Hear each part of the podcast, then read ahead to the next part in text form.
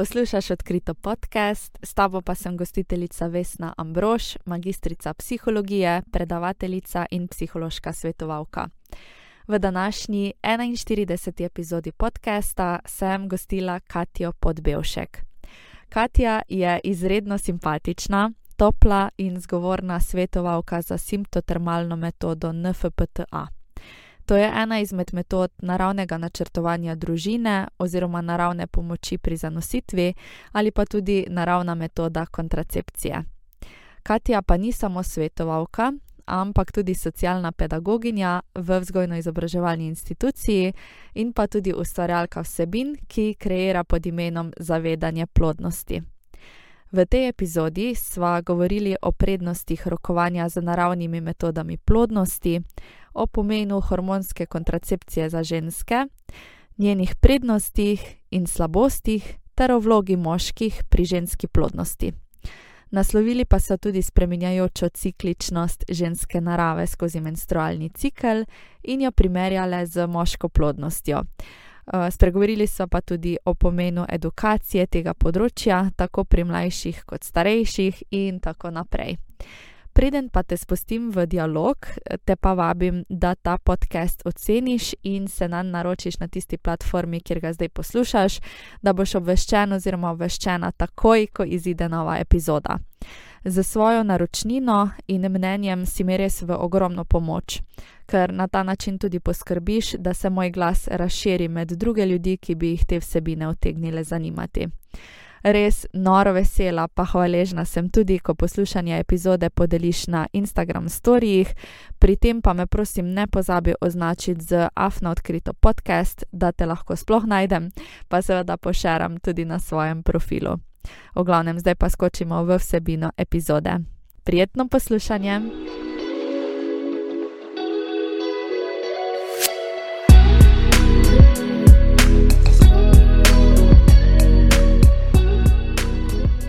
Lep pozdrav čisto vsem poslušalcem, poslušalkam odkrito podcasta. Jaz sem full, full vesela, full, full hvaležna, da je z mano danes Katja. Uh, mi smo že zdaj eh, prejmeli en tak um, zanimiv pogovor. No. Tako da, Katja, še enkrat zdravo. ja, ej, vesna. Pozdravljena, najlepša hvala, da si me povabila in ja, jaz se zelo veselim tega pogovora danes. z veseljem. Ejte pa začnemo mogoče um, na tak klasičen način, ker on je ful dobro vprašati vsakega, če se lahko sam predstavi. Se pravi, da vidimo tudi, katera področja malo bolj podarja. Uh, tako ja. da ti prepuščam besedo, da malo poveš, kdo si, s čim se ukvarjaš in tako naprej. Okay. Uh, Meni se je zmerno, se mi zdi, da je malo težko pre predstaviti, ker ne, tako, tako, tako igramo vsi pač neke tiste različne vloge v življenju, ampak se mi zdi, da za neko tisto splošno javnost uh, um, sem ne svetovalka, sem tudi termalne metode uh, NFPTA, torej v bistvu se ukvarjam s tem, da učim ženske in pare, kako spremljati svoje telesne znake plodnosti. Uh, Tako da se mi zdi, da tudi tisti, ki bodo poslušali ta podcast, najverjetneje zaradi tega poslušajo. Um, pač po drugi strani se pa tudi zelo identificiram s to vlogo socialne pedagoginje, ker je to pač moja izobrazba in se mi zdi, da sem tako v tem smislu zelo taka neka rodovedna oseba, ki me zanimajo tematike, ki so povezane z družbenimi vidiki. Um, pa kontracepcijo, pa menstrualnim ciklusom, pa kako ženske same sebe dojemajo. Pa ful mi je tudi ta pomembna tema pač moških, naprimer, ne kako uh, oni pač vidijo to tematiko. Pač Meni se zdi, da sem jaz takšen lep mušter vsega pomal uh, in da me pač več različnih stvari zanima. Res sem pa tako zelo ponosna uh, teta in zelo ponosna, oziroma taka uh, dobra hčerka, dobra partnerka in vse ostalo. Uh, pač sam, sama se, mislim, tako sama uh, imam zdaj zelo rada. Pač, um, zelo, sem, zelo sem vesela, da sem na tisti točki, ker sem v življenju in sem tako. Uh, še bolj sem pa vesela, ker sem na odkrito podcast. In, uh, uh, in ja, kar uh, pravim, se zelo veselim tega, da bomo danes mi, da še večkrat bolj podebatirali. No o teh različnih tematih, ki so meni tako zelo pri srcu. Ej, dobro, tako lepo si se predstavlja. Veš, oh, hvala. Se, že prej, ne, prej, da smo začeli snemati, sem jaz rekla, da se mi zdi, ko se pogovarjam s Katijo, da bi se že deset let poznali. Res mislim, čist tak feeling, ker si res taka domača, taka, a ne taka transparentna, avtentična. Da, to mi je full fine. Pa tudi se sliši, a ne kar si ješ na ozven. Tako da res. Hvala. Pisala, jaz moram reči, da a ne tudi, če se toliko malo časa smo šele v kontaktu, ampak vseeno se mi zdi, da to zdrži, a ne da se sklada tvoj opis, ja. kar kažeš, tako da ful dobro. Ja, uh, mislim, hvala. Glej, dan je en tak dan, ne vem zakaj, ful dosta ne o tem razmišljamo, v bistvu mhm. odkritosti, transparentnosti.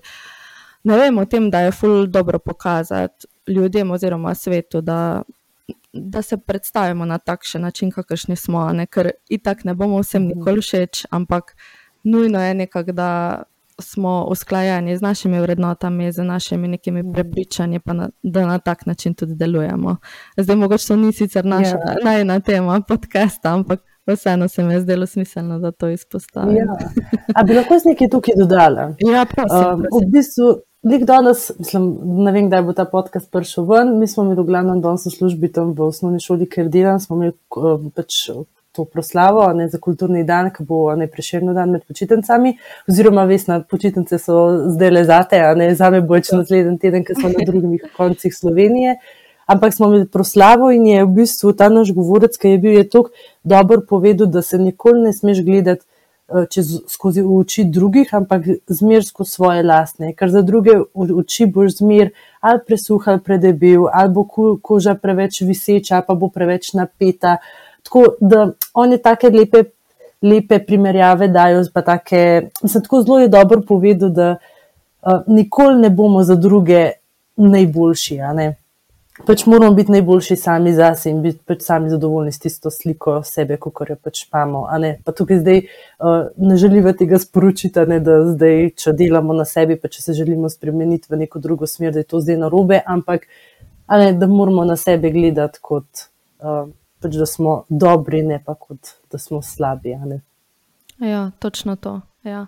Ker ja. prevečkrat se mi zdi, da se obremenjujemo s tem, kako nas drugi zaznavajo. Pa se mi na tak način vedemo, da bomo v očeh drugih zaznani kot neka X pa Y oseba. Uh -huh. A ne namesto, da bi v bistvu delovali skozi to, kar smo, zato ker bomo na tak način privlačili tiste ljudi, s katerimi v bistvu želimo biti obdani. S tistimi, uh -huh. ko pa ne želimo, bomo pač naravno z našo energijo odbijali. Mislim, tako se ja. mi zdi, no, danes v tako smer nekako razmišljam in ful čutim to danes. tako da se mi zdi izpostaviti, ja, ful dobro. ja, danes je takšen dan, res je. Ja. Uh, ful dobro. Um, ok, te pa mogoče uh, se mi dve podama v to najno današnjo temo. Ne? Pa bi te jaz mogoče Prav. malo najprej uh, povabila k temu, da bi povedala, kako to, da te je pot privedla v te metode naravne plodnosti, a ne odkud ta interes. Ja, um, jaz sem v bistvu je tako malo taka, malo mal hecna zgodba, kako sem do tega sploh prišla. Jaz sem se v bistvu, uh, ne vem, koliko sem takrat stara, nisem še stara 20, ne, ne še. Um, sem se ful začela ukvarjati z nekim tako zdravim življenjskim slogom, pa z gibanjem, pa to, a ne, sem se začela poglabljati, kaj dajem svoje telo, kaj jem in tako naprej. In jaz sem imela, oziroma imam še zmeraj eno tako zelo fajn sestrično, ki se pač tudi uh, v to veliko poglablja, pa so se mi dve tako veliko tudi okrog teh tem povezale. Um, in jaz sem takrat imela hormonsko kontracepcijo, sem imela tabletke, ne in poje, ona meni pač priporočila eno YouTuberko. In jaz sem tam na njenem profilu videla en eno pač objavo, en video o tem, ne, da obstajajo naravne metode kontracepcije. In jaz sem samo, pač se je res, a ne kontracepcija, tudi ne, pač, kaj to sploh je, kaj, zdaj, pač, kaj je to sploh v svoje telo zdaj dajem. In pa, ker sem se pač pozanimala, pa videla, da to pač tudi obstaja, a ne, jaz sem takrat čisto šokirana, ne, da pač obstajajo tudi neke druge metode. Pač, jaz sem vedela, da so naravne metode, naprimer prekinjen spolni odnos, pa koledarska metoda, a ne se mi zdi, da to nas ta šolski sistem kar ne doseže. Ampak ta en korak naprej, torej spremljanje telesnih znakov plodnosti, tega pa pač nisem vedela. In takrat sem se jaz pač, ko sem padla v bloge in, in videe in knjige, in pa sem da sam tako, jaz moram zdaj to naštudirati, pač to je zdaj, a ne. Sem se odločila, da bom pač to poskusila. Um, Pač in takrat sem, v bistvu prek tega sem zvedla, no, tako čist prek spleta. Um, nisem pa pač poznala nobenega, ki bi se s tem dejansko tako ukvarjal, pač ta komunity oziroma ta skupnost je pač prišla pol za tem. No. Um, tako da jaz sem se pola, nekaj sem se odločila, da bom to metodo začela uporabljati, simptotermalno sem se najprej učila sama, potem šla še na tečaj, um, ne, kjer sem pač imela eno inštruktorico, ki mi je pač učila oziroma eno svetovalko. Pa sem pa videla, kako mi to ne nekega pozitivnega prinaša v življenju, pa sem se pa odločila, da sej. Mislim, sem razmišljala, kako bi bilo to fajn, če bi tudi jaz nekomu naprej lahko to pozitivno predala, kar sem jo jaz dobila. In pa sem se odločila, da bom pač šla na tečaj in da bi jaz trajala postala svetovalka. In zdaj ne vem, koliko časa imam že ta papir, v glavnem skozi skoz celo to obdobje, še preden sem spoh ta certifikat imela, sem da sem tako če je bila, ki je je karkoli več zanimala, sem pač vse obrazložila, pa pač povedala tudi, kako sem sama ne, do teh stvari prišla. Pa se mi zdi, da je ful velik interes oziroma zmer večno strani žen za te stvari. Mm. Je ful dobro. Na začetku, ne, ko si omenila, recimo, da, um, da te je prav presenetilo, ne, ko si začela v tem brati, pa ja, se res obstajajo tudi naravne metode. Ne, to se mi mhm. zdi pomembno izpostaviti, ker tudi ženske, mm. ko se odločajo ali pa vstopajo v obdobje razmerja. Ne?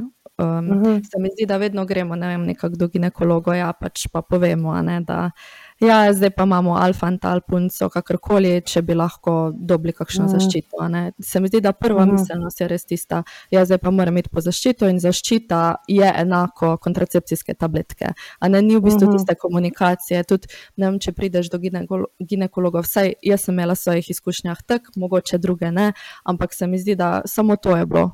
Ni, ni bilo neke druge razlage ali pa da, uh, a veš, kaj je menstrualni ciklus, a ne da ima pogledati skozi, kaj se v bistvu ti sploh dogaja bi malo bolj razumela, uh, mogoče ti tudi predstavim, da vse, kar deluje, ne samo ti, da dobiš pač kontracepcijske tabletke, pa je zdaj to to. Ker res je, pol smo tako avtom avtomatsko, zelo si avtomatiziran, samo eno tabletko na dan poješ, pa si zaščitena. Ne? Kar po eni strani mhm. fudobno, to je res taka velika prednost, da ne rabiš o tem razmišljati, sploh ko si tako mlad. Ampak uh -huh. po drugi strani, ne pa ti je marsikaj drugega, nekako čisto, čisti odplava, ne? ni nek, neke komunikacije o tem, kaj se sploh dogaja v telesu in tako naprej. Ampak da ne vem, jaz to dolgo in široko, eh, če tebe mhm. prepuščamo. Zakaj se tebi zdi dobro, da recimo ženske rokujemo z naravnimi metodami? Kaj so te prednosti tega? Mislim, meni men se reče to, to izkušnjo, ko se ti izpostavlja. Jaz se lahko s tem čist poistovetim, pa mislim, da se lahko s to izkušnjo res poistovetim. Pač, bi rekla, da velika večina žensk, s katerimi se jaz srečujem, povejo isto zgodbo. Aha, rabila sem, naprimer, imela sem boleče menstruacije, tabletke. Ok, želim kontracepcijo, ki je zanesljiva, tabletke. Ok, imam neredne cikluse, nimam ovulacije, oziroma to ponovadi ne pride do tega, da nimaš ovulacije. Ok, neredne cikluse imaš tabletke. Ni drugega odgovora na te težave, kot samo to, da se kontracepcijo predpiše. Je pa tudi to, ne, da ginekologi preprosto tudi nimajo znanja o teh metodah in jih tudi pač ne, ne priporočajo.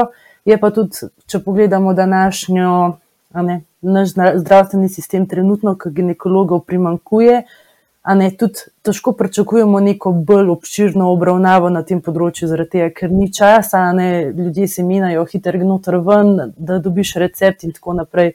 Um, tako da se mi zdi, da pač takšen sistem je, a ne sam se mi zdi, da z nekimi alternativnimi stvarmi, kot so naprimer naravne metode, da lahko nek, nek, ne par procentov žensk lahko na takšen način pač dobijo neko drugačno obravnavo, ne, oziroma začnejo tudi same več se tukaj na tem področju vključevati. No. Um, tako da, čak, tvoje, tvoje vprašanje je bilo, kje so prednosti in slabosti. Tako. Ja. Mislim, prednost je definitivno to, da bolj spoznaš svoje telo, da veš čisto, kje v ciklusu si, kaj metode natančneje spoznaš, tudi veš, kdaj si plodna, kdaj nisi plodna.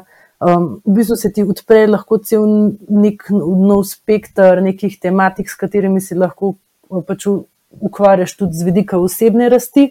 A nekaj ženske smo ciklična bitja in se skozi različne faze ciklusa spreminjamo in si lahko neke stvari, ki se nam dogajajo, ki si jih prej nismo znali obrazložiti, lahko tudi s pomočjo ciklusa obrazložimo.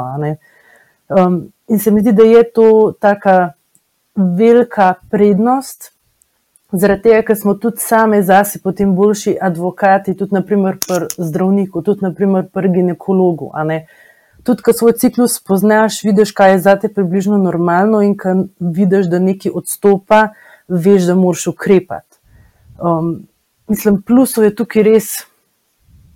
Res veliko, no. mislim, težko je, težko je sploh vse, a veš, kako izpostaviti. Mislim, še vsem so pa na drugi strani ne tudi slabosti um, tega, v bistvu pač naravne metode so res ne samo pač neka metoda, ampak na drugi strani tudi nek življenjski stil. Ne. Zaradi tega, ker enkrat, ko se odločiš potem spremljati telo po metodi, um, moš to pač potem redno delati in moš biti pri tem dosleden in dejansko tudi vpliva na tvoje navade in na tvoje življenje. Torej, naprimer, jaz, če spremljam menstrualni ciklus, jaz ne morem vsak dan se ga, naprimer, vsak, vsak večer, da bi naprimer veliko alkohola spila, dobro si to tudi tako ne, ne? ampak um, Naprimer, so neke stvari, ki naprimer, motijo to spremljanje telesnih znakov, ne pa zaradi tega, naprimer, tega potem ne moš početi, oziroma, ker si na tisti točki, da pač nočeš telesu škodovati, to tega ne želiš početi. Um, tako da to uh, je pa tudi pač res, da je slabost naravnih metod, to, naprimer, če to uporabljamo za kontracepcijo, da moramo v času plodnih dni. Um, pač mišljeno je, da ne bi par abstiniral, ne, torej, da nima spolnih odnosov ampak se pa pač v tistem času nekateri tudi odločijo ne, za uporabo drugih metod. V glavnem, če mi to uporabljamo za kontracepcijo, moramo za plodne dni imeti nek plan B. Torej, ali abstiniramo, ali pa naprimer zaupamo pol kondomom. Zanesljivost teh metod se potem primerno zmanjša, a ne v tem primeru. Mm. Um, tako da to meni se zdi, da so v bistvu te teme tako zelo široke, vsak lahko najde v tem kaj pozitivnega, kaj negativnega ampak meni se zdi, da res neko tisto splošno telesno pismenost, ki jo pač ženske s tem dobijo, da to se v bistvu razširi na različna področja življenja. Veš, um, tudi naprimer na odnos s partnerjem, ali pa odnos naprimer s prijateljicami, ali pa doživljanje v bistvu same sebe. Tako se mi zdi, da ima lahko takšen zelo velik vpliv na, uh, ja, na različna področja življenja. No. Tako, ja. Tudi meni se zdi, da težko je to pojasniti, recimo, tudi moškim po eni strani, da uh, se drugače počutiš, ko si na tabletkah, kot pa če nisi na tabletkah. Ne se mi zdi, da čist na drugačen način deluješ. Um, drugače doživljaš samo sebe, drugačna mogoče nihanja so v razpoloženju, tudi uh, libido je drugačen in tako naprej. Tako da res tukaj uh, je hormonska kontracepcija, ima za moje pojme, kar velik vpliv no, iz svojih izkušenj govorim. Um, uh mhm. -huh. Pa še so, da se ti vključiš tudi iz um, vidika, iz družbenega vidika, iz socialnega vidika, pa mogoče še malo o tem predebatiramo, kako in kaj glede hormonske kontracepcije. Uh mhm. -huh. Ja, meni se zdi tudi ta tematika res zelo zanimiva. Jaz sem jo raziskovala v, v okviru svoje diplomske naloge, ne prav o tem, kako se menstrualni ciklus medicalizira in tudi, ne, uh, kakšna motivacija bi bila lahko zadnji, zakaj se pač to počne. In če tako nekako povzamem, je lahko hormonska, mislim, dobro, zdaj jaz nočem, da, da, da bi to zdaj izpadlo, ker da sem popolnoma nehvaležna za hormonsko kontracepcijo in tako naprej, ker jaz tudi ne bi mogla danes take vloge upravljati, kot jo upravljam, če ne bi bilo te revolucije na, na področju. Uh, zdravstva, oziroma ne, da so lahko ženske uravnavale svojo plodnost, da so lahko odlagale čas, kdaj, mislim, da so lahko dejansko izbrali, kdaj bodo, naprimer, imeli otroke. Um, ampak z tega vidika se poskuša žensko pripraviti, da bi bila. Tok, da, bi, da bi bila tako storilnostna, naprimer, kot kar moški. Ne? Vse ne pravim, da ženske nismo, ampak um, tabletka je v bistvu nek način, kako spremenimo žensko, da bo funkcionirala v nekem moškem sistemu, ki je pač postavljena. Ne? ker moški sistem, zdaj to tako v narekovajih, hočem reči. Pač, um, moški, naprimer, hormonski cikl je takšen linearen, ne, ni nobenih večjih sprememb, pri ženskah pa konstantno prihaja do nekih sprememb, ne, ker imamo pač različne faze ciklusa. In tudi, naprimer, naš delovnik. Je usmerjen tako, da vsak dan moraš od sebe dati enak. Vsak dan moraš, ne, pač, imamo naprimer, vsak dan en in isti urnik, ne, ne vem, delaš od od sedmih do, do treh in pač to je tvoj urnik. Ampak se mi zdi, da ženske, glede na svoj menstrualni ciklus, v tem sistemu pač teže delujejo. In hormonska kontracepcija ti pa direkt to naredi, ne? v bistvu to eno nihanje hormonov ti ustavi, oziroma ne, so tvoji hormoni ena ravna črta, tako kot pri moškemu. In um, se mi zdi, da tukaj le je v bistvu res hormonska kontracepcija en način, kako, ženske, kako ženskam nekako pomaga, da se bojo v naš sistem, da se v ta sistem vključile, namesto da bi se sistem spremenil.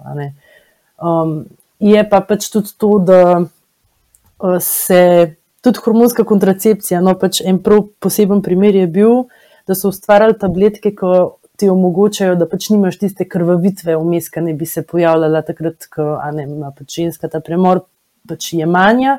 Um, in da gre te prav tista reklama taka, za te tabletke, prav tako zelo brutalna.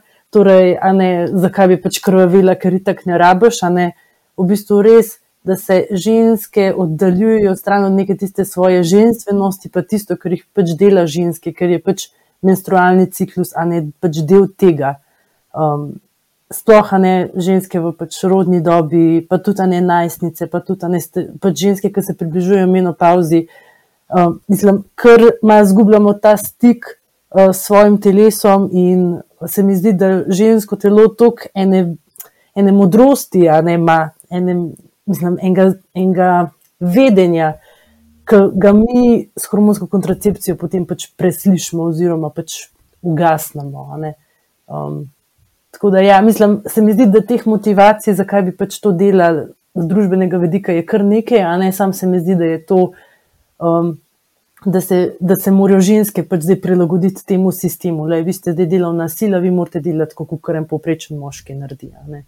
Um, se ne upošteva te naše drugačne narave hormonov. No. Mm. ja, ej, ful dobro, ful dobro, res. Um, ja. V bistvu, tako si na začetku tudi povedala, sej. Z tem, ko se je hormonska kontracepcija razvila, smo res dobili veliko. Ne? Recimo, ne vem, prejšnje generacije niso imele možnosti mogoče se izobraziti tako, kot smo se mi, zaradi tega, ker pač so toliko prej ženske zanosile in so mogle prevzeti eno tako vlogo matere, vlogo gospodinje, kakorkoli je že bilo postavljeno, recimo, če spoprečijo govorimo. Ne? In tukaj imamo uh mhm. -huh. zdaj eno tako veliko srečo, da. Eh, tiste dekleta oziroma tiste ženske, tudi zdaj, ko se vidijo um, kot samostojne podjetnice, pa si želijo prevzeti take vloge, pa ne želijo recimo vloge matere, ne imajo zdaj res eno tako odlično možnost, ki jo ponuja tudi hormonska kontracepcija. Tako da to definitivno je to ena taka velika, močna vloga, ki je ne smemo prezreti, ki je zelo velika prednost za tiste, ki jo želijo izkoristiti. Je pa res, ja, da po drugi strani se pa prav tučka, a ne um, v bistvu cel, cel ta narava ženstvena, ki pa je tako zelo drugačna. Ja, in tudi ni nič narobe, da smo vsi različni, moški pa ženske. Ja, tako da tukaj bi mogoče bilo kaj prilagajanja strani sistema zelo, dobrodošlo, samo ne vem, pa ti mi povej, a vidiš kje v prihodnosti, da se bo tukaj kaj spremenilo. Jaz za Slovenijo ne vidim kaj takega. Recimo, sem slišala tudi za kakšne dopuste. Ne, takrat, recimo, če imamo uh, ženska zelo močne menstruacije, da bi se dal dva, tri dni dopusta ali kakorkoli, ampak ne vem, kaj ti misliš. Ja, jaz mislim, da, da se mora tukaj še zelo velike generacije zamenjati, da bi sploh do, do tega lahko prišlo, ker tudi ne čisto, ko si izpostavlja ta menstrualni dopust. Uh, je to tudi čisto en, naprimer, z vidika delodajalca, zelo dober razlog, zakaj ne bi ženske zaposlil. Kaj, a zdaj bom pa jaz njo zaposlil, pa zdaj njej pripada še ta menstrualni dopust, zaradi tega, ker jo pač bolim, ne pride, ne pride delati, ali pa bom jaz enega moškega pač zaposlil. A ne se mi zdi, da je to, kar smo naprimer tudi temu naklonjeni, a ne um, more biti tudi. Kako bi rekla, ljudje na vodilnih položajih bi mogli biti temu naklonjeni, ampak um, Zaradi tega, ker smo v svetu, kjer je pomemben dobiček, ne, in kjer je pomemben, koliko se denarja obrne. Ne, um, se mi zdi, da tukaj, mislim, v Sloveniji, jaz ne čutim, da bi bilo veliko prostora za to. No. Jaz mislim, da se bodo generacije počasi spremenile, pa tudi, v, da bomo tudi skozi čas zmer bolj ugotavljali, koliko je, um, koliko je pomembno v bistvu ne manipulirati z, horm z našimi hormoni. Ne, Um, zaradi tega, ker dejansko so od tega odvisne tudi naslednje generacije, ki pridejo. Mislim, da zdaj jaz govorim, kot da bojo res, da bo ful velik naslednjih generacij. Tako kot zdaj, na primer, opažamo, koliko je visoka stopnja neplodnosti, ne, oziroma koliko je zmer več parov, ki se s tem sooča. Se kar mečkam sprašujem, če lahko res množično v nekih naslednjih generacijah pač govorimo. No. Mislim, zdaj sem zašla s tem, no, sam se mi zdi, da res v Sloveniji mrbiče ni toliko prostora za to, ampak je pa potencialno, ne sploh kakšne ženske, ki so naprimer kakšne direktorice kakšnih podjetij, ne, pa um, da so samo zaposlene, ne, lahko um, v neki tisti svoji praksi stvari inkorporirajo, ki v bistvu odražajo neko tisto ženstveno energijo, kako bi temu lahko rekla. No. Mm, vem, kaj se tebi zdi? Tako, zdaj, mislim, a se ti zdi, da, tako, da lahko posameznik sama ne lahko neke manjše stvari spremenja, ampak da bi bile pa stvari sistemske, se mi pa zdi, da smo še kar delač. No. Ja, ja. Po mojem, tudi ne vem, jaz ne čutim, da bi bilo glih kaj pretirano posluhano v tej smeri. Pa se zdaj tudi ne govorimo, recimo, za vse ženske. Mislim, jaz osebno mhm. to tako gledam. Tiste, ki imajo res zelo, zelo močne menstruacije. Ne? Jaz imam nekatere sodelavke, ko na tiste dneve, ko ne dobijo menstruacijo, to je, mislim, ne ne bom zdaj tako rekla, ampak res niso sposobne za delo, zaradi tega, ker uh -huh. uh, bruhajo, zaradi tega, ker imajo tako močne krče, recimo, da morajo na trenutke počepniti. A ne prav, mislim, uh -huh. tukaj, da se morajo ustaviti vmes, malo predihati, iti večkrat na WC, uh, so na tabletah. Potem tudi, recimo, ne vem, kaj boš pa poklical zdravnika, pa boš rekel, ne vem, zaradi menstruacije bi rad bil doma. Mislim, pol je tudi odvisno, uh, tudi koliko je tukaj posluha ne, med zdravniki in tako naprej. Ampak to je res ena taka težava, da tiste, ki so bolj podvržene k bolečim menstruacijam, verjamem, da je zelo hudo. Jaz na srečo nimam tako hudih izkušenj, imam pač malo je boleče, ne, ampak te, te krče, recimo menstrualne, tudi doživljam, ampak na srečo ne v taki, v taki meri. Si pa ne predstavljam, kako je to za tiste, ko je res, res zelo boleče. Ja, meni se zdi ful fajn, da si to le zdaj izpostavlja, ker ne, kar jih prej, smo tudi govorili o tabletkah, pa tako. Meni se zdi, hvala Bogu, da imamo hormonsko kontracepcijo na voljo, zaradi tega, ker nekaterim ženskam res to tiste hude bolečine umili. Ampak ne, meni se zdi, da je tukaj pa tista sistemska težava, zdaj pa, aha, ženska dobi hormonsko kontracepcijo, ker ima zelo boleče menstruacije, pa se jo pa kar ohranja na tej terapiji, niti z enega koraka naprej, okej. Okay, tukaj imaš zdaj hormonsko kontracepcijo, pa pač to jemlj zato, da ne boš imela tako hudih bolečin, ampak vmes je pa treba že delati po na preventivi, oziroma je treba tudi vzrok iskati. Se, seveda je zdaj odvisen od, od tega, ne, kakšen razlog je zadnji za take bolečine, ampak da ne ostanemo samo pri tem, evo, klele imaš terapijo, to je to, ampak da jih raziskujmo. Sam, to je pa spet taka povezana težava, ker kukara ne, so prej vse, a ne, kar sem prej rekla, uh, ki je to ginekologov mal. Meni se zdi, da kar malo drvimo, a veš, eno, eno brezno, kar se tiče tega področja, no, ker se mi zdi, da je zdaj to tako slabo pokrito. No. Mm. Um, ampak drugače pa ja, se mi pa zdi, da, da res posluha, mislim, zelo moš imeti srečo, da imaš nek posluh strani vodstva, naprimer, um, ne, mislim, kjerkoli pač delaš, ne, um, da da imaš v tistih dnevih, ko imaš pač take bolečine, da lahko si ali delo prilagodiš, ali pa pač ne prideš delati, pa tako ne. Točno tako. Ja. Sej v nekaterih profilih poklicnih je verjetno tudi toliko bolj fleksibilno, da recimo mogoče lahko delaš od doma ali pa si kakorkoli drugače prilagodiš. Pa je vodstvo zelo temu tudi v bistvu naklonjeno, oziroma jim je vseeno, dokler je delo upravljeno, kar je super. Yeah. Ja. Je pa res, da mhm. nekatere pač nimajo take možnosti in za tiste mi je res žalno, ker to je tudi v bistvu mhm. več dni, enkrat mesečno, oziroma ne vsake 28 ali pa eh, do 35 dni, ali kako je že boš ti povedala. uh, ne, ste tih 28 dni pač imaš v glavi že od nekdaj, ampak vem pa, da ni, da ni glih tekno. da to pa je tako tudi najna tema. ja, ne, mislim, da, da, da nas je v bistvu šola sproducirala tako 28 dni ciklus in 28 dni, če imaš na 28 dni, o, si, a veš, o, je odklon in nekaj ni v redu, a veš, ja, Tako. To je drugače, to res. Če prej pa da gremo ja. na to temo, vete, pa še sem nekaj tukaj vprašala. Ne? Zdaj smo v bistvu. Ja. se dotikali teme tudi hormonske kontracepcije, pa se mi tukaj zdi, um, oziroma sem te hotela vprašati, nekje si omenila, da uh, se lahko z uporabo hormonske kontracepcije maternični vrat hitreje stara, oziroma nisem prepričana, če sem to pravilno razumela. Tako da tukaj bi te malo požicala, da uh, tole razložiš, če je to res, pa če bi o tem malo več povedala. Ja, kamot. uh, to, je, to je v bistvu so bile ene uh, raziskave, ene, ki so pač primerjali ženske, ki ne jemljajo hormonske kontracepcije, pa ženske, ki dlje časa jemljajo hormonsko kontracepcijo in v bistvu stanje materničnega vratu. Um, in uh, problem je, da je maternični vrat, je, to je v bistvu organ med, uh, ne, to je pač ta del med uh, nožnico, pa med maternico v bistvu to je spodnji del maternice. Ne? In v materničnem vratu noter so ne take kripte, ki proizvajajo sluz materničnega vratu. To je pač zelo pomemben telesni znak plodnosti. V bistvu, če ne bi bilo sluzi materničnega vratu, nobenega od nas sploh ne bi bilo kle.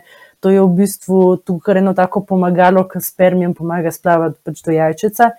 In problem je pri hormonski kontracepciji, ker, a ne, so v tej raziskavi ugotovili, da naj bi se ženskam, ki jemljajo hormonsko kontracepcijo, da naj bi se jim ta maternični vrat hitreje, a ne postaral. Naj bi bil pač ta princip, ne, če ženska jemlje eno leto hormonsko kontracepcijo, se za eno leto ekstra več pač, a ne ji postara maternični vrat. Če, naprimer, jaz gledam po svojega vidika, če sem jaz, naprimer, gledal, ne, če, sem, če sem jaz jemala uh, tabletke tri leta, pa če sem jaz stara 26 let, to pomeni, da ne bi imela jaz v teoriji potem star maternični vrat 29 let. A ne kar tudi potem, mislim, to je zdaj tako, a ne taka, ni zdaj to nujno, a ne ni zdaj to, da bi se pač zdaj to prvo vsaki pojavil. Ampak, um, če se maternični vrat stara, tudi uh, kvaliteta sluzi materničnega vratu ni tako dobra, kot bi lahko bila.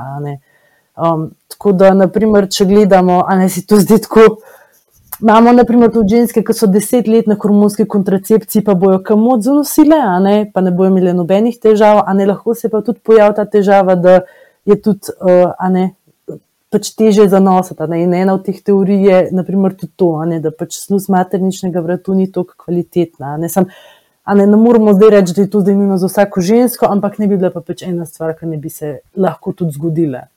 Ne, to je isto, pr, mislim, pri kakršni koli obliki hormonske kontracepcije je naprimer, več možnosti, da ti potem, ko jemliš hormonsko kontracepcijo, pač diagnosticirajo depresijo, ne, da pač dobiš to diagnozo. To zdaj ni nujno, da bojo zdaj vse depresivne, ki bojo jemali hormonsko kontracepcijo, ampak se pa pač možnost za to poveča. Um, Čisi iz tega vidika, ne? zdaj to ni, da bo da imela vsaka zelo strm maternični vrat. Tako. Ja. A pa mogoče več, če je to reverzibilno, se pravi, da ti greš dol iz tabletk, pa imaš še nekaj časa um, postarano, no, maternica, recimo, pa se ti čez mm. čas to uravna, oziroma pač te učinki zbledijo. Potem, mogoče... um, tukaj pa, tega pa v bistvu ne vem, zaradi tega, ker jaz nisem, nisem zaznala, da bi še kaj v tej smeri uh, raziskoval, kako lahko, naprimer, kakšna terapija ali pa življenjski slog naprimer, vpliva na, um, na kripte v materničnem vratu in posledično na sluz. Mislim, definitivno lahko mi um, z nekimi priporočili, ki so naprimer ne tako. So neke stvari, ki jih mi lahko naredimo, da lahko pomagamo, um, da bo sluz materničnega vratu bolj kvalitetna. Ampak um, ni pa zdaj to Mislim, nimamo zdaj neke tiste prav raziskave, no, jaz je nisem našla. Če jo kdo najde, lahko mi jo pošle. ja, da je to posadko, to je res tako zanimivo polje. ne, to je zelo, zelo specifična tema. ja, res je. Ja. Um, ja. Veš kaj pa še, recimo, m, mm, veliko ženska ne, tudi sprašuje. Da so ja. recimo, ne, na, na hormonski kontracepciji, na tabletkah, pa uh, se sprašujejo, ali lahko še vseeno svoj cikl spremljajo z bilo katero naravno metodo. Ali je to mogoče?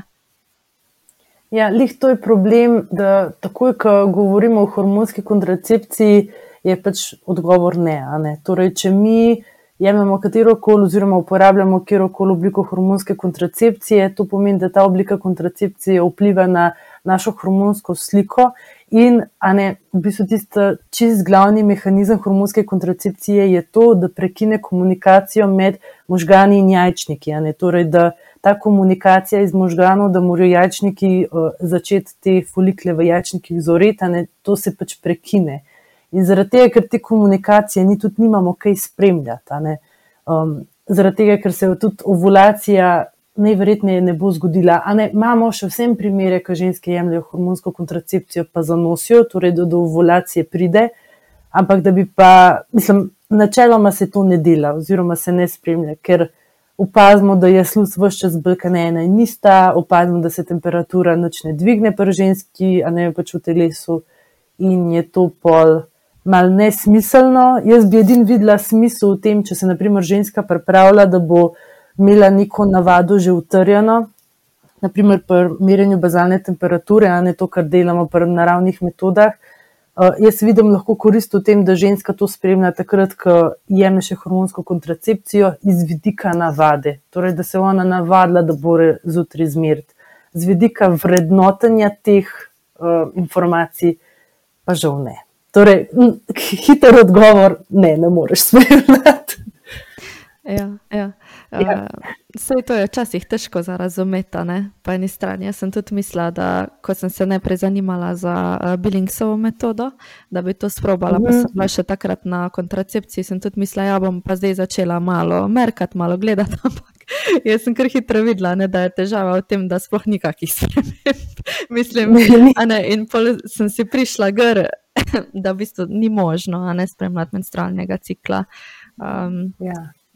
Nažalost. Ja. Ne, ker, ja. Mislim, to, to kar se zdaj omenila, tudi to. Jaz sem pa tudi, ne, mislim, na svojem profilu ogromno izpostavljala tudi to, ker ženske, tudi takrat, ko jemljajo kontracepcijo, pa rečejo, ja, sedaj le bom pa dubla menstro. Ampak leh to je, ne, to sploh ni menstruacija. Ne. Menstruacija je vedno krvavitev, ki je posledica ovulacije. In ovulacija se zgodi v ciklusu, kjer ne, pač pride do sprostitve jajčica, ampak lih pri tem, ki jemljemo kontracepcijo, to poskušamo preprečiti. Um, tako da ne, že čisto razlikovanje, ne, kar res v bistvu nimamo tistega znanja, kaj sploh je ovulacija, pa kdaj se zgodi, pa kdaj se ovulacija ne zgodi, pa kaj je ta krvavitev, ki jo imam, ker sem na tabletkah, a ne tega ni. Ne. Um, ker tudi v bistvu te pravih izrazov niti ne znamo uporabljati. Ne. Pa, zdaj jaz ne pravim, da smo pa ženske krive, a ne mislim, cel, celoten sistem je kriv, ker na, na te teme ne daje nobenega poudarka. Hmen tudi pridajo ženske, ne tudi stare, tudi kot čez 30, a ne tudi ponovadi do 40 let hmen hodijo, ampak um, pa že do 40 let starih hmen hodijo, ampak ne, ki so tako, jo, jaz sem pa, se mi zdi, da sem že toliko stara, pa za te stvari prvič slišam. Mene, mene to boli. Ker jaz sama sem imela toliko sreče, da sem bila stara manj kot 20, pa da sem to že vedela. Pa še takrat, se, zdaj, ko gledam nazaj, se mi to zdi prepozno za te stvari izvedeti.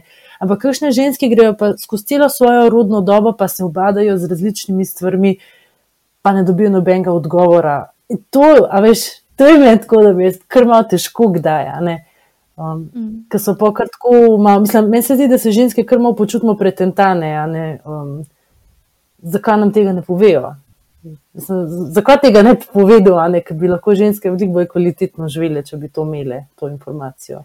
Tako, ja, pa tudi se mi zdi, da bi se malo bolj cenile. Zato, a ne še lepo vidiš, v bistvu, kak, na kak način žensko telo deluje. Kako dobro je, da vem, imamo tudi lahko rečemo štiri faze, ne znotraj menstrualnega ciklusa in tako naprej. In imaš mm. mogoče tudi malo več spoštovanja do same sebe ali pa nasplošno do ženskih teles. Um, tako da to se mi recimo zdi ena taka velika prednost. No? Uh, drugače pa tudi, če gledamo recimo iz vidika spolne vzgoje, ne, zakaj ne bi to že v osnovnih šolah, pri osmošolcih se izpostavljalo ali pa na tak način predstavljalo.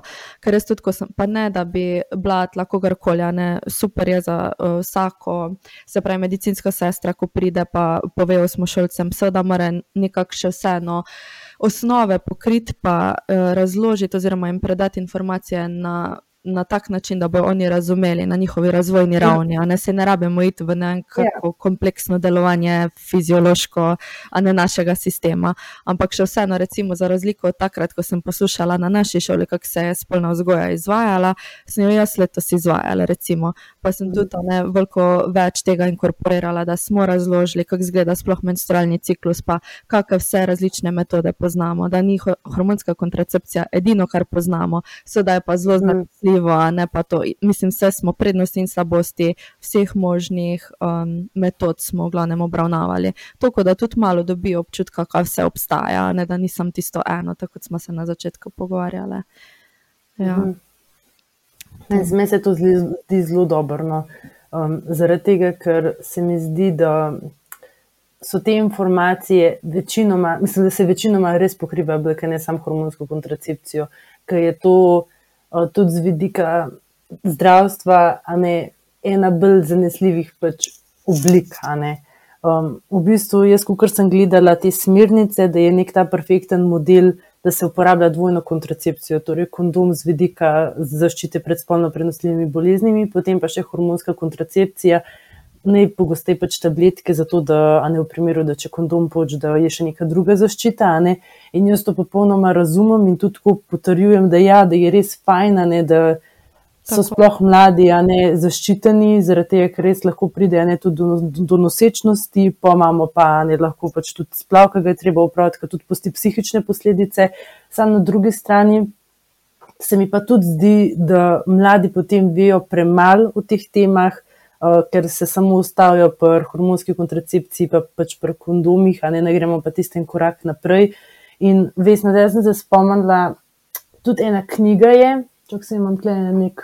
Ja, lahko preberem naslov iz moje police. uh, kaj, se, kaj se dogaja v mojem telesu uh, od ene zdravnice, me se zdi, da je Nemka ali Avstrika, ne vem čisto točno. Um, In v bistvu je tam razložen menstrualni ciklus kot ena gledališka predstava, in da je v bistvu ovulacija tisti tist glavni del predstave, ne, skozi, ne, okrog katerega se pač to vse odvija. In se mi zdi, da se da, tako kot si tudi rekla, na nek primeren račin, način, glede na stopnjo razvoja, ker je otrok se da te stvari čisto fajn obrazložiti. Um, tudi, z vidika, tudi z vidika tega, ne, da naprimer, tudi otroko nekaj sprašuje, pa če naprimer, ne, kakšen štirletnik, nekaj so v bistvu še taki zelo močkani, pa ga se tudi sprašuje, naprimer, ali odkje so pršali, a pa vid od, od mamice, naprimer, kri, a ne, ki gre ona na stranišče, a ne, da se mu tudi se mu da lahko neko informacijo nazaj, ne pa da ne, se že takoj na začetku te tematike uvijajo v nek tist sram, pa neko skrivnostnost, pa to, kar to sploh ne rabi biti. Se mi pa tudi zdi, da pri mladih, a ne tudi to, kar si izpostavil, naprimer osem razred, da bi lahko res glede nekaterih stvari bili mečkam bolj odkriti. Sam direktno, ko govoriva o naravnih metodah, se mi zdi, da je tukaj tisti zadržek. Aha, pojo pa misli, da so naravne metode dosti in bojo to uporabljali in pa bojo pač vsi noseči. Pač jaz mislim, da, da definitivno niso vsi najstniki za take metode pač dovolj zreli. Ampak za tiste, ki bi pa morda potencialno potem bili, ne, zakaj pa ne, ne, da imajo neko tisto znanje. A pa da se, se puncam pokaže, da se lahko um, pač telesne znake spremlja, pa da ni slus, oziroma mi to vsi imenujemo pol beli tok, ne pač meni to ni všeč, zaradi tega, ker se mi zdi, da je. Neki belo, pa nek tok, v resnici je to pač sluz materničnega vrtu in da imamo ne stvari imenovati tako, kot ne bi se imenovali, tudi strokovno, uh, ker tudi, uh, ja, se mi zdi, da je to uh, en pomemben del, ki pač ene pomembne informacije, ki jih, naprimer, punce ne dobimo, fanti pa tudi ne. Zaradi tega, ker se ne bolj obešamo samo na to, na kdaj krvaviš, oziroma kdaj imaš menstruacijo, oziroma mislim tako se mi zdi, da so stvari tako malo bolj površno narejene, nimamo pa dobre alternative, kako drugače delati. In se mi zdi, da pač tisti, ki nas te tematike zanimajo, pol želimo na nek svoj način, tisti, ki je nam manjkal, po novim generacijam predati. Kar se mi pa zdi tudi ne zelo dobro, da se na tem sploh dela. Ker, kot ste rekli, da si pa ne ti odvodila ta del, ne, verjamem, da si tudi izhajala pač iz svojih izkušenj in iz tega, kar bi si ti želela, da bi slišala. Ja, ja, absolutno. Pa tako si mogoče na začetku rekla, ne, prvo, kar je uh, itak smo izpostavljali, kar je zelo pomembno, neželeno nosečnost. Ne, zaradi tega ja. se tudi uh, v bistvu vsa ta zaščita, tako kot si rekla, kondomi zaradi spolno prenosljivih bolezni, recimo, in pa potem neka taka res zanesljiva zaščita, zaradi tega, ker tudi niso osmošolci, devetošolci, pa pol srednje šolci v večini primerov dovolj zreli, da bi mogoče spremljali to na naraven način. Tako da itak se to poudarja, samo ja, tako si rekla, informacije o tem, kako izgleda sploh menstrualni ciklus, da se to dogaja v nas, pa da je prav, da to poznamo. A ne iz tega vidika, bi to malo razložiti, na kak način delujejo dekleta. Pa tudi to, kaj se mi je zdelo, tudi da moški to slišijo, da se jih ne deli fantje dekleta, ne da fantje grejo poslušati o, uh, ne vem, o spermi, o, o trdelosti moškega uda, mhm. ženske pač o menstruaciji. A ne, fajn se mi je zdelo, da so vsi oboje poslušali, ker se itak mhm. oboje, pač um, vseh se nas tiče to, kar se enemu in kar se drugemu dogaja. Mhm. Ja, meni se, men se to zdi zelo fajn, um, da, da se jih mešam med sabo, hkrati se mi pa zdi zelo pomembno tudi dajati prostor takrat. Um, Ne, se mi zdi, naprimer, če so punce same, da si bojo lahko več stvari podelile, ne, uh -huh, um, pa da se bojo mogoče lažje identificirale ena, ena z drugo. Pa da, oh, to se pa meni tudi zgodilo. Če so fanti zraven, se mi zdi, da se to kar zapre. Um, ampak se mi zdi, da tako z tega čist teoretičnega vidika pa ja, no, um, da more biti izobra, mislim, morajo biti vsi informirani ne, v, v teh temah, uh, ne glede na spola. Ne. Uh, in isto tudi za fante. Jaz si ne predstavljam, ne, da bi fanti potem, naprimer, uh, ki doživijo ta, naprim, ta izliv, ne, da bi pač to potem pred puncami govorili.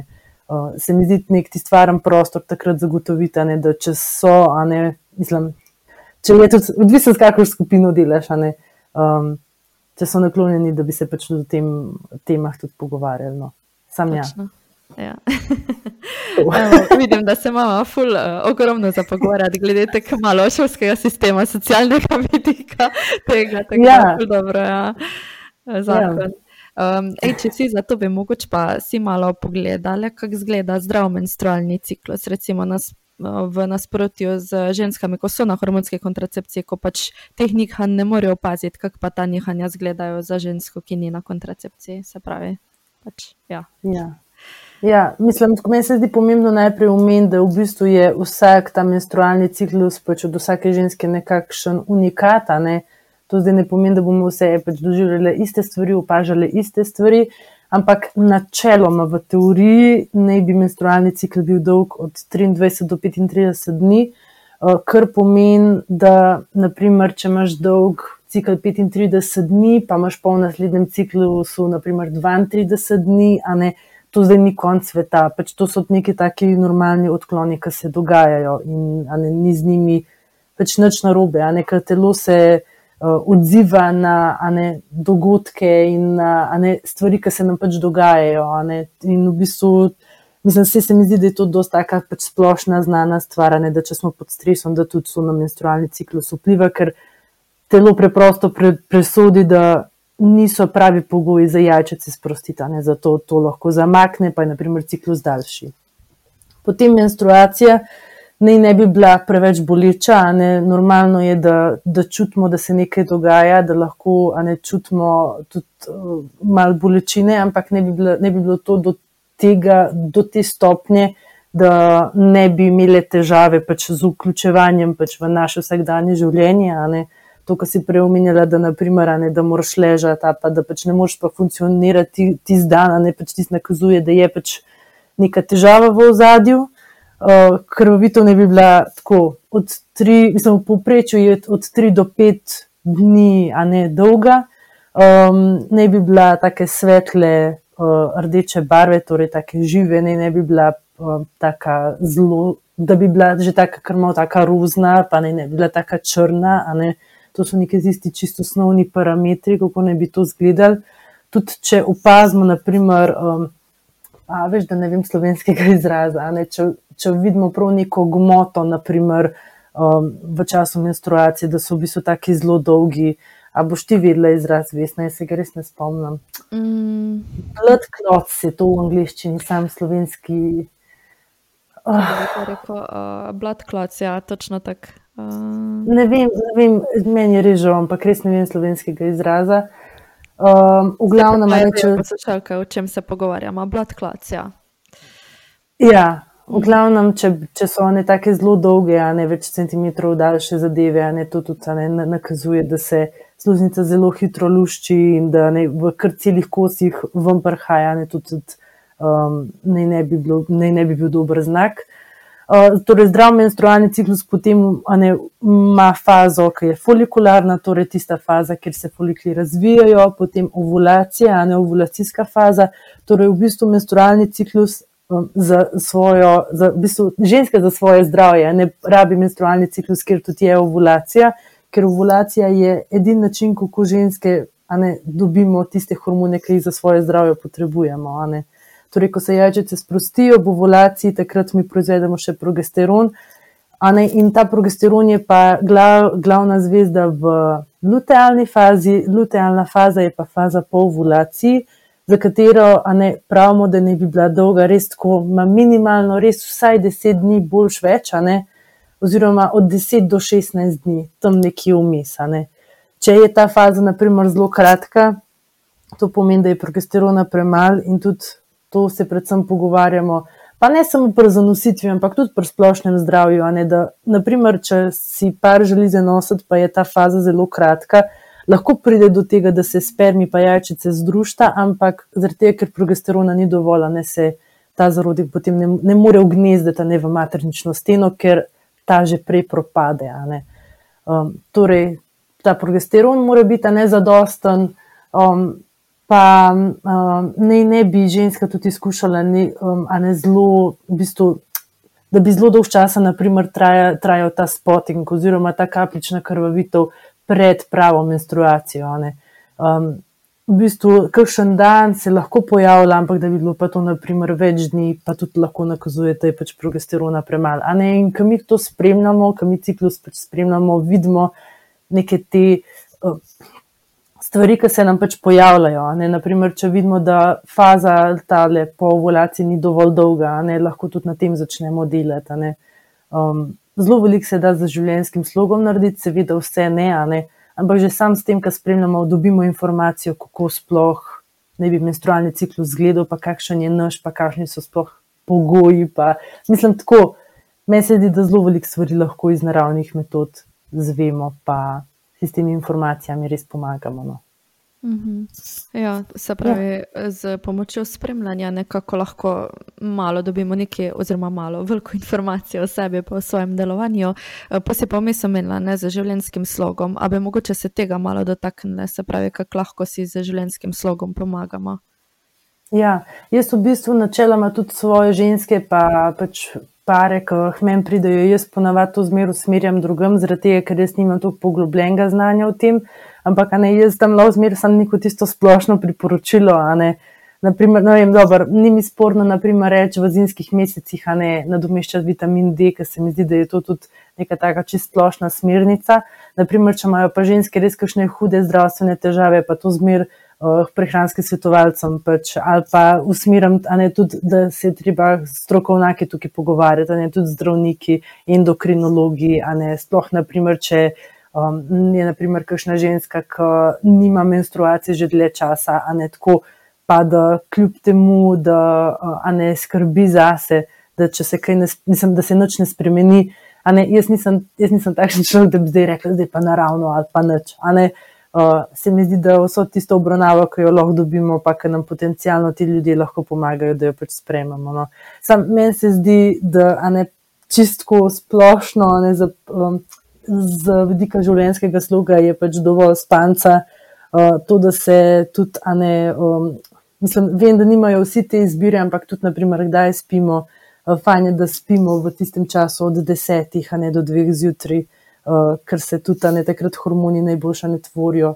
Um, Mislim, čist take stvari, a ne, dost pit, tudi, naprimer, zaradi sluzi materničnega vratu, ker, a ne, večina ne, sluzi materničnega vrtu je pač voda in če smo dehidrirani, tudi sluzine bo uh, neka osnovna hranila, da so zagotovljena. Ne, ne moramo živeti samo od čipsa pa od pice, ne, ampak moramo moramo jesti sadje, zelenjavo, a ne čim bolj raznovrstno hrano, um, tudi naprimer ribe za omega-3. Ne, se mi zdi, da je ta tematika lahko tako široka, da v bistvu jaz to ne večkrat res, ker prehranskim svetovalcem prepustim no, in pač tja usmerjam, um, ker se mi zdi, da tudi oni pač bolje, boljše delo upravljajo, kukor, mislim, bolj delo upravljajo, kot pa da bi jaz pač tam sama poskušala nekomu na takšen način pomagati. Um, se mi zdi, da, ja, da jaz sem tako, jaz bi rekla, specialist za spremljanje, pa za identificiranje težav. Pa za tisto uh, blago reševanje stvari bi še znala pomagati, ampak ko so pa stvari res zakomplicirane, pa usmerjam naprej. Ja, ja. Se počutim dosti kompetentna za, ne, za, za to, da bi um, kakšne res hude, naprimer, naprimer amenorejo, a ne kakšno odsotnost menstruacije dlje časa, a ne s tem se pač ne igramo. No. Ja, ja, absolutno. Vse zato so pa tudi ginekologi, pa drugi strokovnjaki ne, na področju reproduktivnega zdravja, zato da se s tem ukvarjajo, kar je itak zakon. Ja. Mm. Pač ti, uh, ti v bistvu si tisti skener, a veš. Skeniraš, če so kakšne hujše težave, se pa potem pa še ja. naprej.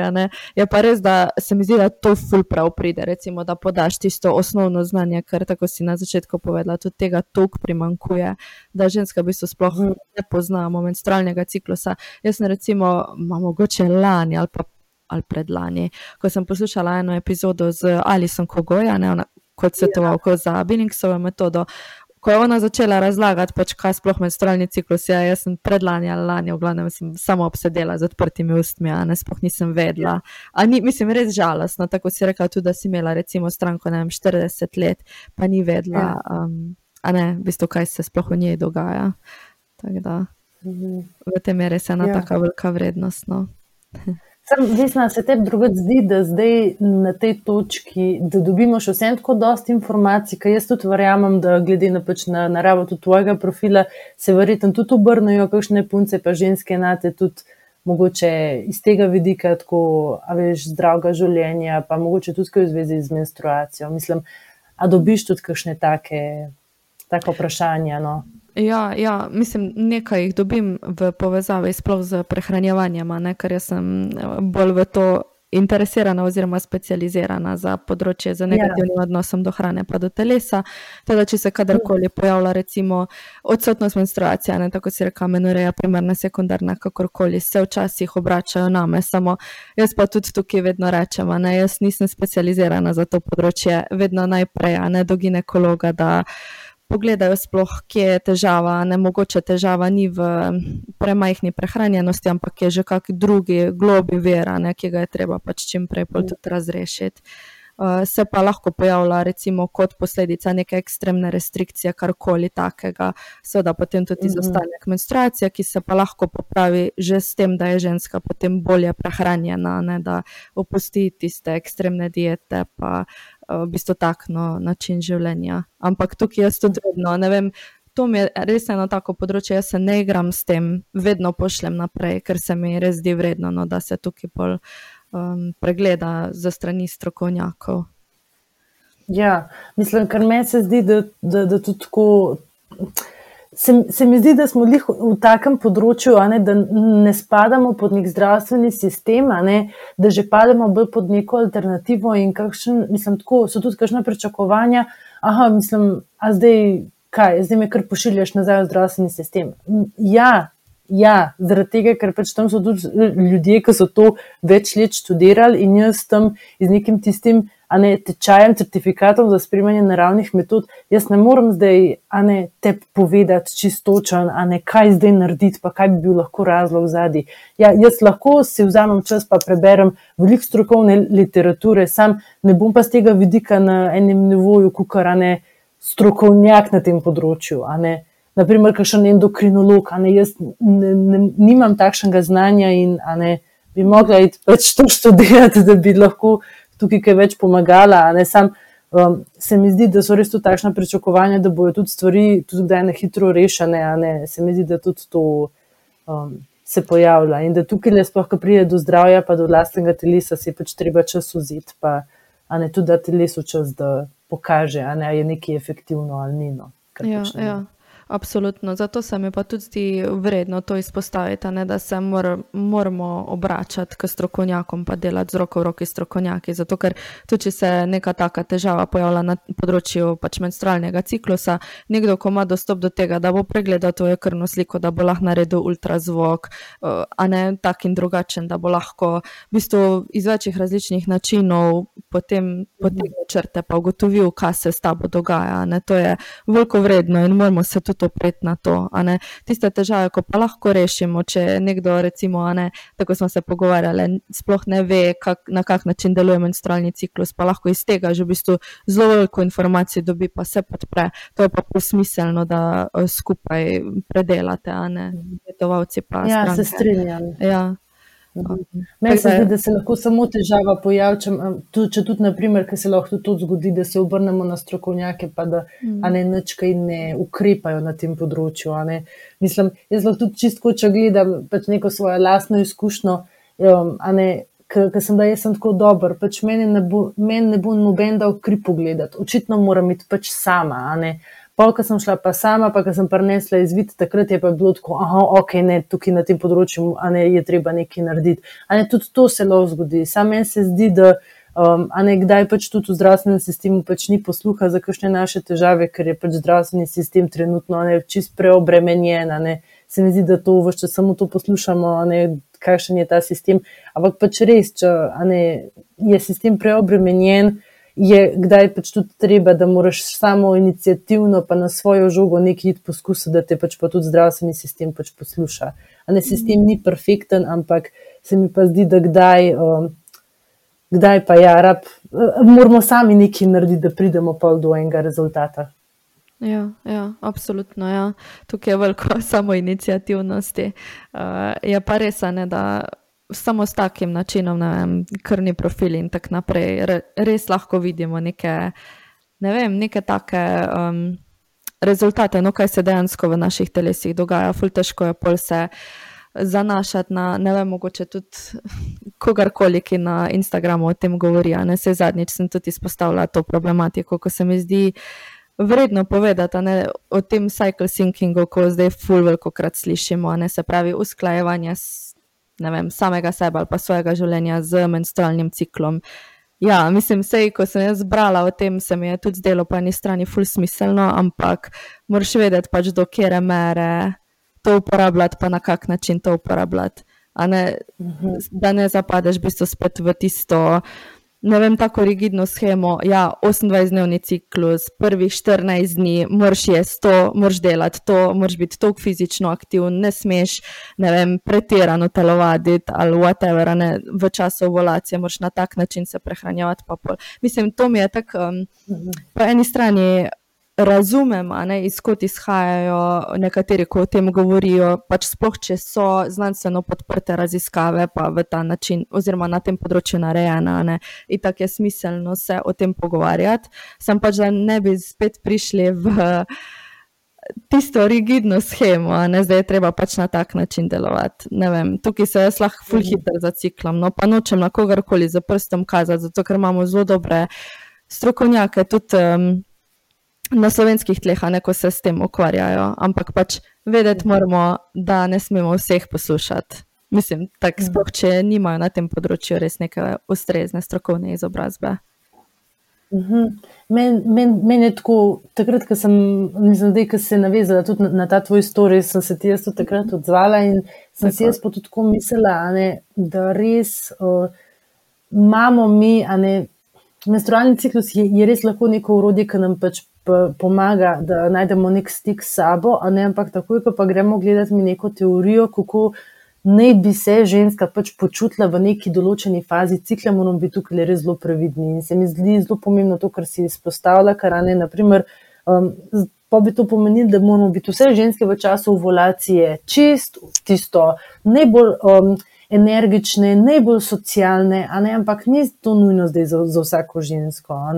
Um, in to da imaš nek pritisk, kako bi se mogla počutiti, pa tudi z vidika, kaj moraš v neki določeni fazi početi, kaj moraš jesti. In tudi čist potrjujem to, kar ti praviš, da, ja, da tudi če so zadnji neki uh, raziskave, ok, a ne pa se to razume, sam ne smemo pa, po moje, podstati pač sužni nekemu temu narekovanju, kaj zdaj ti moraš.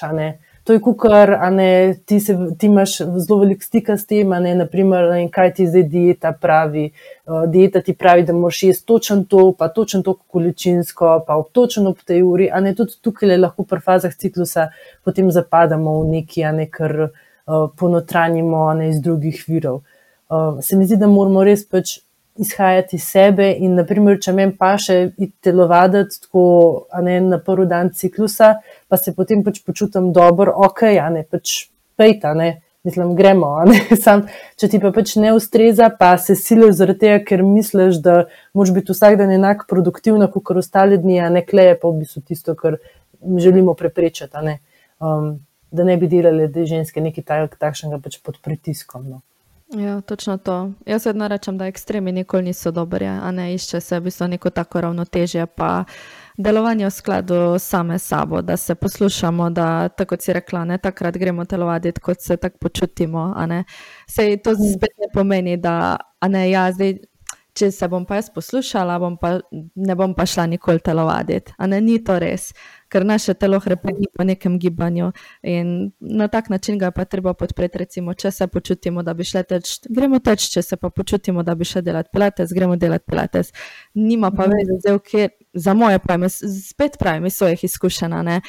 Za moje pojme se pravi, v katerem dnevu ali pa tednu ciklusa sem. Mislim, jaz nikoli ne gledam na to na tak način, ja, ker drugače spet neka prisila, spet ne delujemo iz sebe, ampak spet. Uh, v bistvu, ne vem, gledamo na podlagi nekih drugih doživljanj drugih žensk, kar pa mogoče nam ne bo ustrezalo, pa nas ne bo tako podprlo, tudi če bomo mislili, da nas to kao na rekovajih podpira. Ne, ne vem.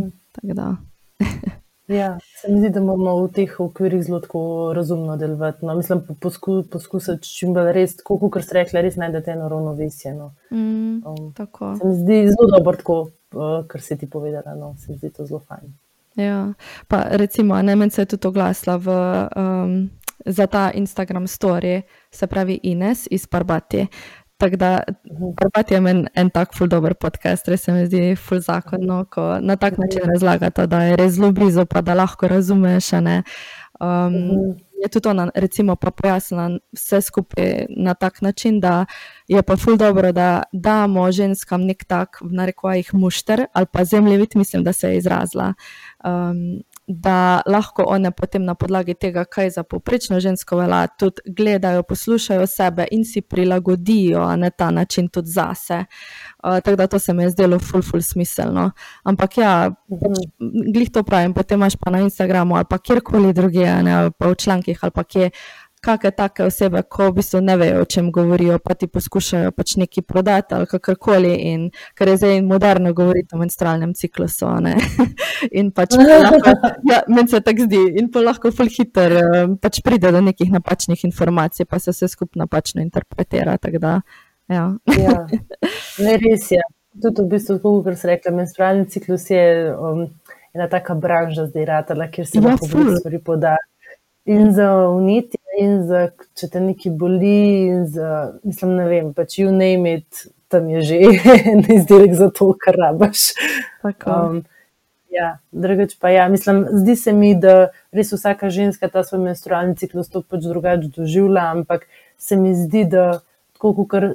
Tako kot si rekla, da je bilo razloženo, nek takšen zemljevid, a veš, mogoče neko tisto razlago. Ne? Naprimer, se mi zdi, da je zelo klasičen, tako kot na rekovajih, nek pre, predmenstrualni sindrom. Pač meni, na primer, ta izraz mi, mi ni všeč, a ne pač sindrom in tako se mi zdi, da je tako zelo negativno. Ne, seveda so pač stvari, kakšne težave, ki se pojavljajo, ne tudi zaradi sprememb hormonov, ne čistega hormonskega vidika.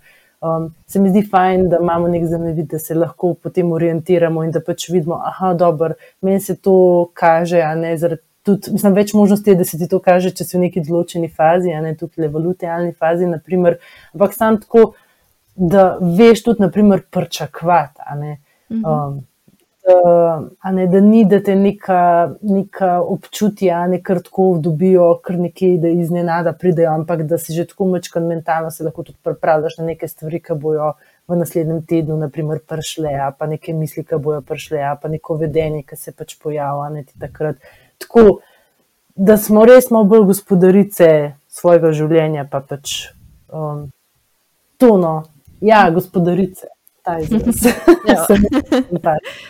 Točno to. Ja, ker tudi ta neko spremljaš svoj menstrualni ciklus, lahko tudi vidiš, na kak način približno deluješ iz meseca v mesec, pa si tudi na tak način res prilagajaš, kakšne aktivnosti, ne, ali pa kakorkoli. Ampak to še vseeno moč poznati svoj menstrualni ciklus, ne tipičen menstrualni ciklus. A ne samo to, je v bistvu tista razlika, no, ko sem jaz hotela podariti. Da, mhm. um, to se mi zdi ja. pomembno. Ja. Mhm. Okay. Evo, ja, dobro, Katja, jaz mislim, da mi da smo šle mogoče v kakšne drugačne smeri, kot sem si najprej predstavljala, tudi po eni strani, ampak mi je bilo ful dobro tudi se o tem malo pogovarjati, o teh svetovnih vidikih in tako naprej. Povej. Mislim, part tu, part tu, le, ja, veš, ja, to drugo.